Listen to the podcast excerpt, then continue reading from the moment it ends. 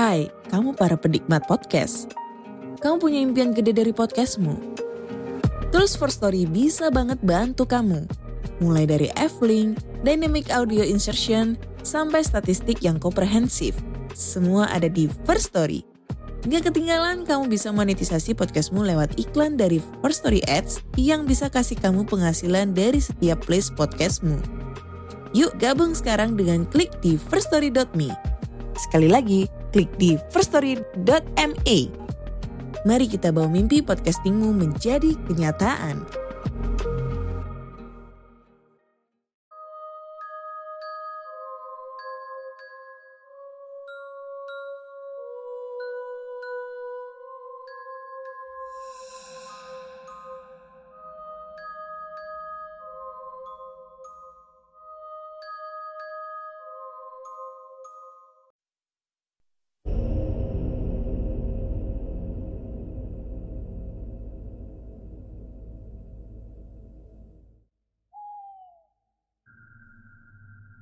Assalamualaikum warahmatullahi wabarakatuh. Halo semuanya. Jumpa lagi dengan saya Chow Sing Sing Kurator dari podcast Horror Night Story. Halo apa kabar semuanya? Semoga kalian semua sehat-sehat ya.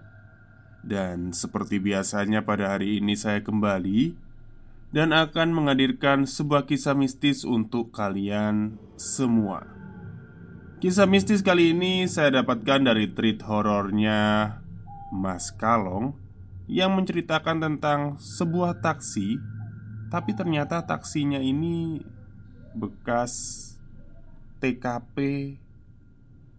pemerkosaan. Oke daripada kita berlama-lama Mari kita simak ceritanya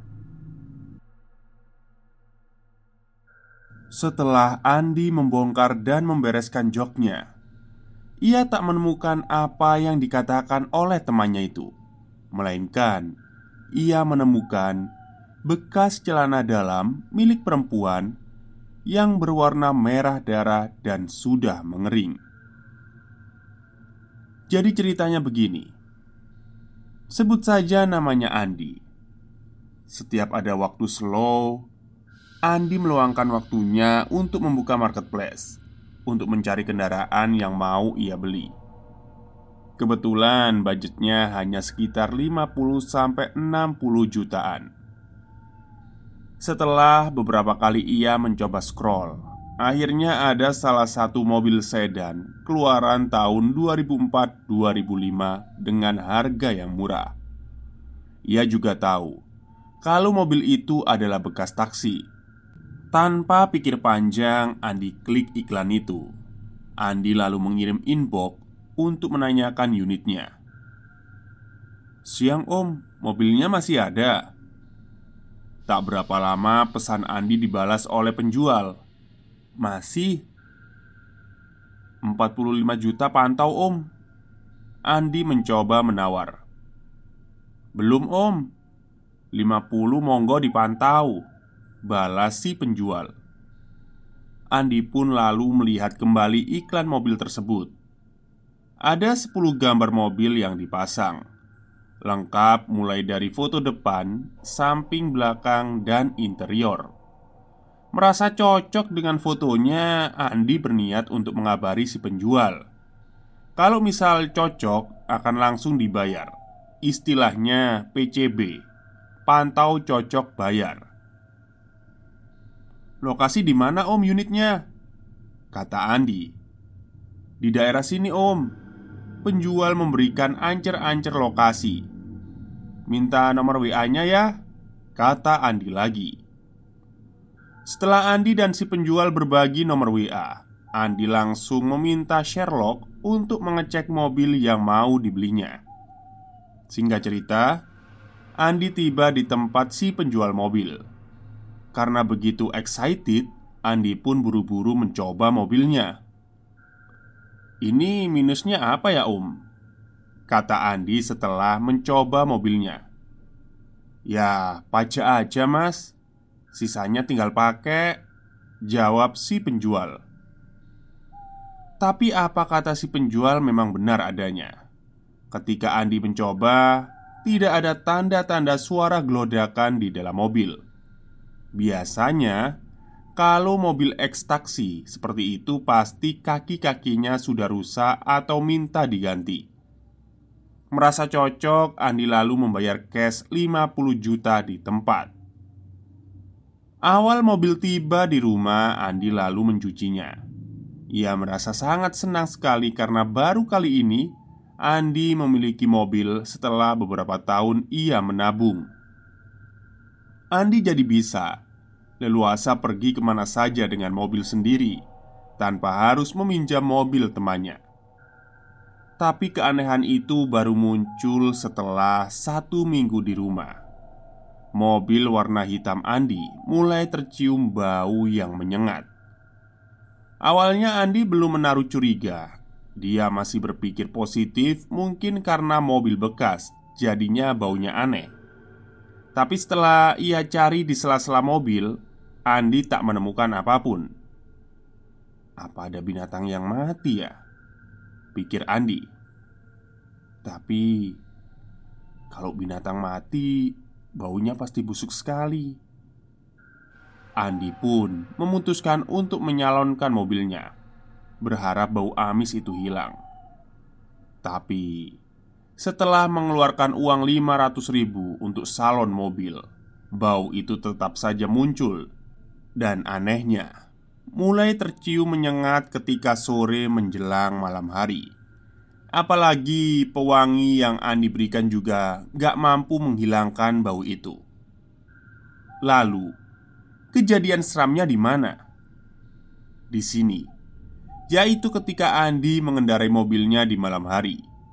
Ia selalu mendengar ada suara perempuan menangis. Sebagai marketing di bank swasta, Lembur dan pulang malam sudah biasa Andi rasakan Baru saja keluar dari halaman kantor Tiba-tiba Andi mencium aroma amis yang begitu menyengat. Ia lalu berhenti Menoleh dan memastikan kalau tidak ada barang ataupun benda-benda aneh yang tertinggal di dalam mobil Setelah yakin, ia lalu melajukan kembali mobilnya Kali ini Andi memilih untuk membuka kaca mobilnya agar bau amis itu hilang. Sepanjang perjalanan pulang, Andi mulai merasa tidak nyaman dengan bau amis itu. Apalagi sekarang dibarengi dengan suara perempuan menangis. Bulu kuduknya merinding. Sambil menyetir, Andi membaca doa. Tapi Suara tangisan perempuan itu berlangsung cukup lama. Bahkan setelah Andi memasuki jalanan sepi, suara tangisan itu terdengar lebih jelas dan keras, seperti orang yang sedang merintih kesakitan. Andi pun mulai merasa ada yang tidak beres. Tak sengaja Andi menoleh ke arah spion kabin, dan di sana dia melihat ada sosok wanita yang sedang menatapnya dari jok belakang. Andi sempat bertatapan sebelum akhirnya Andi menginjak rem secara mendadak. Dengan cepat Andi menoleh ke belakang, tapi kosong, gak ada siapa pun. Sebentar Andi terdiam, nafasnya memburu, tubuhnya gemetar, pandangannya menatap lurus ke jalan sembari mencerna kejadian yang baru saja ia alami. Setelah dirasa tenang, buru-buru Andi menekan pedal kopling, memasukkan gigi satu dan menginjak gas pelan. 10 km 20 km 30 km Suasana masih sama Sepi, hening, dan menegangkan Tapi Andi masih mencoba untuk berpikir positif. Semoga saja apa yang baru saja ia lihat hanyalah halusinasi belaka akibat kelelahan bekerja. Sesampainya di halaman luas rumahnya, Andi tak sempat memarkirkan kendaraan di karpot. Dia memilih untuk segera bergegas masuk ke dalam rumah, membersihkan diri sebelum lanjut tidur. Di dalam kamar, Andi masih terbayang-bayang oleh sosok perempuan yang sempat ia lihat di jok belakangnya. Tapi tak lama pikirannya teralihkan oleh sesuatu yang lain sebelum akhirnya terlelap. Minggu pagi karena masih merasa penasaran, Andi mencoba untuk mengecek kendaraannya. Ia membongkar jok belakang mobilnya untuk membersihkannya. Siapa tahu ia menemukan ada benda-benda aneh yang menyelip. Seperti apa kata teman-temannya? Mungkin ada jimatnya di Kata teman sekantornya Ketika Andi menceritakan kejadian aneh kepada temannya itu. Namun setelah Andi membongkar dan membereskan Ia tak menemukan apa pun yang dikatakan oleh temannya itu. Melainkan Ia menemukan bekas celana dalam milik perempuan yang berwarna merah darah dan sudah mengering. Melihat hal itu, Andi pun buru-buru memasukkan bekas celana dalam itu ke dalam kantong plastik resek warna hitam. Berniat ingin menanyakan kepada seseorang yang lebih paham. Malam harinya, Andi berniat ingin bersilaturahmi sekaligus menanyakan barang temuannya itu. Tapi baru di pertengahan jalan Andi merasa ada hawa aneh yang tiba-tiba saja muncul. Di dalam mobil Andi merasa ada hawa dingin yang berbeda. Padahal Tombol AC masih di angka satu Dan temperaturnya paling kecil. Tapi Andi merasa seperti ada sesuatu yang menempel di lehernya Yang membuat kedinginan dan tak hanya itu saja, lagi-lagi ia mendengar ada tangisan rintih dari seorang perempuan. Merasa janggal, Andi pun memelankan laju kendaraannya dan menepikan sebelum akhirnya berhenti. Andi diam sejenak, berdoa dalam hati. Matanya mengintip ke kanan dan ke kiri ke arah spion luar, berharap ada kendaraan yang melintas. Setidaknya dia tidak sendirian waktu itu. Tak lama setelah itu, ponsel berdering dari nomor yang tak dikenal. "Halo," ucap Andi, tapi tak ada jawaban. "Halo, siapa ya?" kata Andi lagi. Masih sama, tak ada jawaban dari si penelpon. Merasa jengkel dan tak mengenal nomornya, Andi pun lalu mengakhiri panggilan. Orang aneh, katanya. Tapi baru saja Andi menaruh ponselnya di jok belakang. Tiba-tiba berdering lagi dengan nomor yang sama. Tak mau menunggu, Andi segera menyambar ponselnya dan mengangkatnya. "Halo, siapa ya?" Kali ini Andi meninggikan nadanya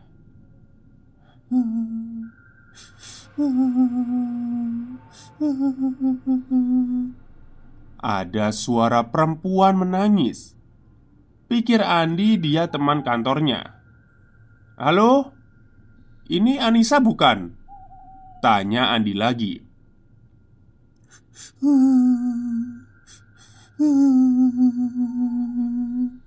Lagi-lagi jawaban dari si penelpon itu menangis. Tapi kali ini lebih merintih. Andi yang saat itu mulai merasa aneh Buru-buru mengakhiri panggilan dan segera melajukan kendaraannya. Setelah berjalan beberapa ratus meter Andi berhenti sejenak di sebuah warung pinggir jalan. Berniat mau membeli rokok dan sebotol air minum.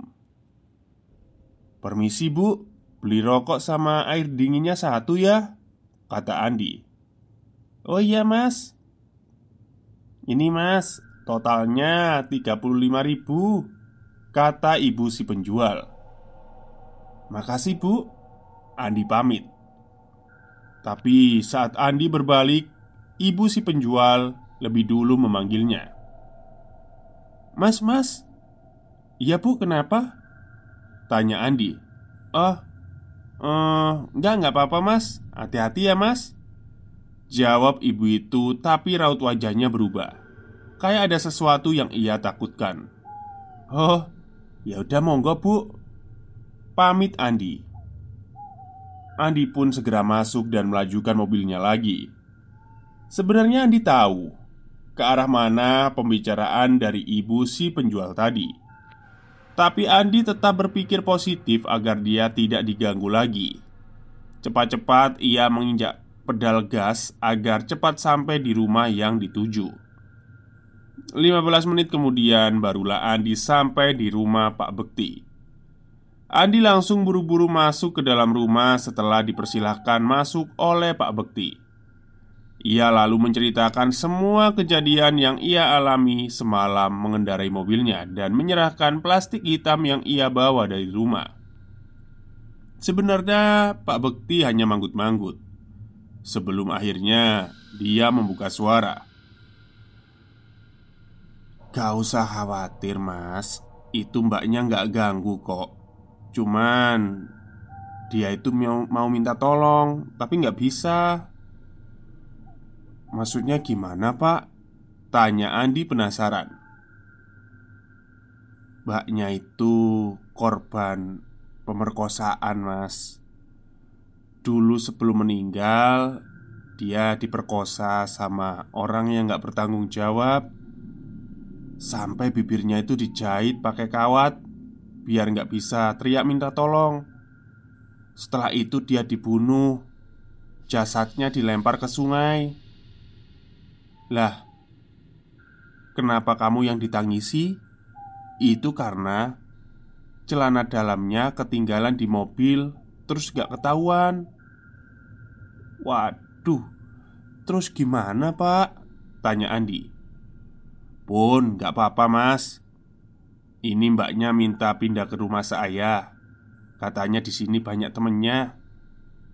Andi lega mendengar penjelasan dari Pak Bekti.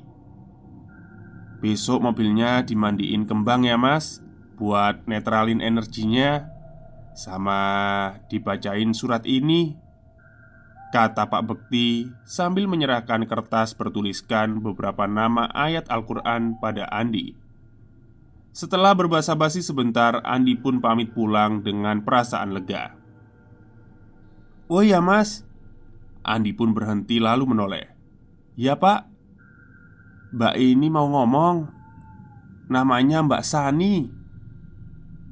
Tungkas Pak Bekti seraya menutup pintu.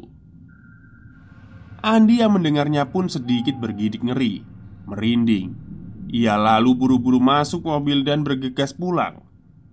Selang beberapa hari setelah Andi memandikan mobilnya dengan syarat itu, kini sudah tidak ada gangguan lagi. Tapi karena sudah terlanjur takut duluan, Andi berencana mau menjual kembali mobil itu. Sekian cerita dari Andi. Wah, ini harusnya yang penjual pertama ini patut dicurigai nih, tapi nggak tahu ya Apakah penjual yang jual mobilnya ke Andi ini korban dari hantu ini juga kan nggak tahu ya Ya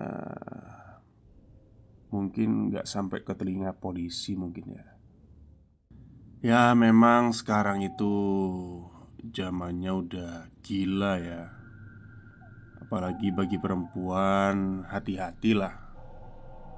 Karena saya sendiri sering mendengar itu bahkan orang tua pun mohon maaf ya ini berita yang baru saya lihat orang bapak terus paman sama siapa ya ponaan itu tega mencabuli putrinya sendiri. Jadi kayak hal-hal itu sangat riskan ya bagi zaman sekarang itu. Mungkin bisa jadi itu karena pengaruh dari HP, ya kan? Ya mungkin aja mereka sering nonton hal-hal begituan jadinya kayak lihat darah dagingnya sendiri, lihat uh, ponakannya sendiri itu terangsang atau gimana gitu ya. Ya intinya hati-hatilah apalagi perempuan ya. Terus Memang pencabulan, pemerkosaan, pelecehan itu di mana-mana itu pasti ada. Ya, pesan saya cuma hati-hati aja gitu. Jangan sampai kita jadi korban terus Ya ngeri lah pokoknya. Saya nggak bisa berkata apa-apa kalau tentang hal ini. Oke mungkin itu saja cerita untuk hari ini. Semoga kalian semua suka. Wassalamualaikum warahmatullahi wabarakatuh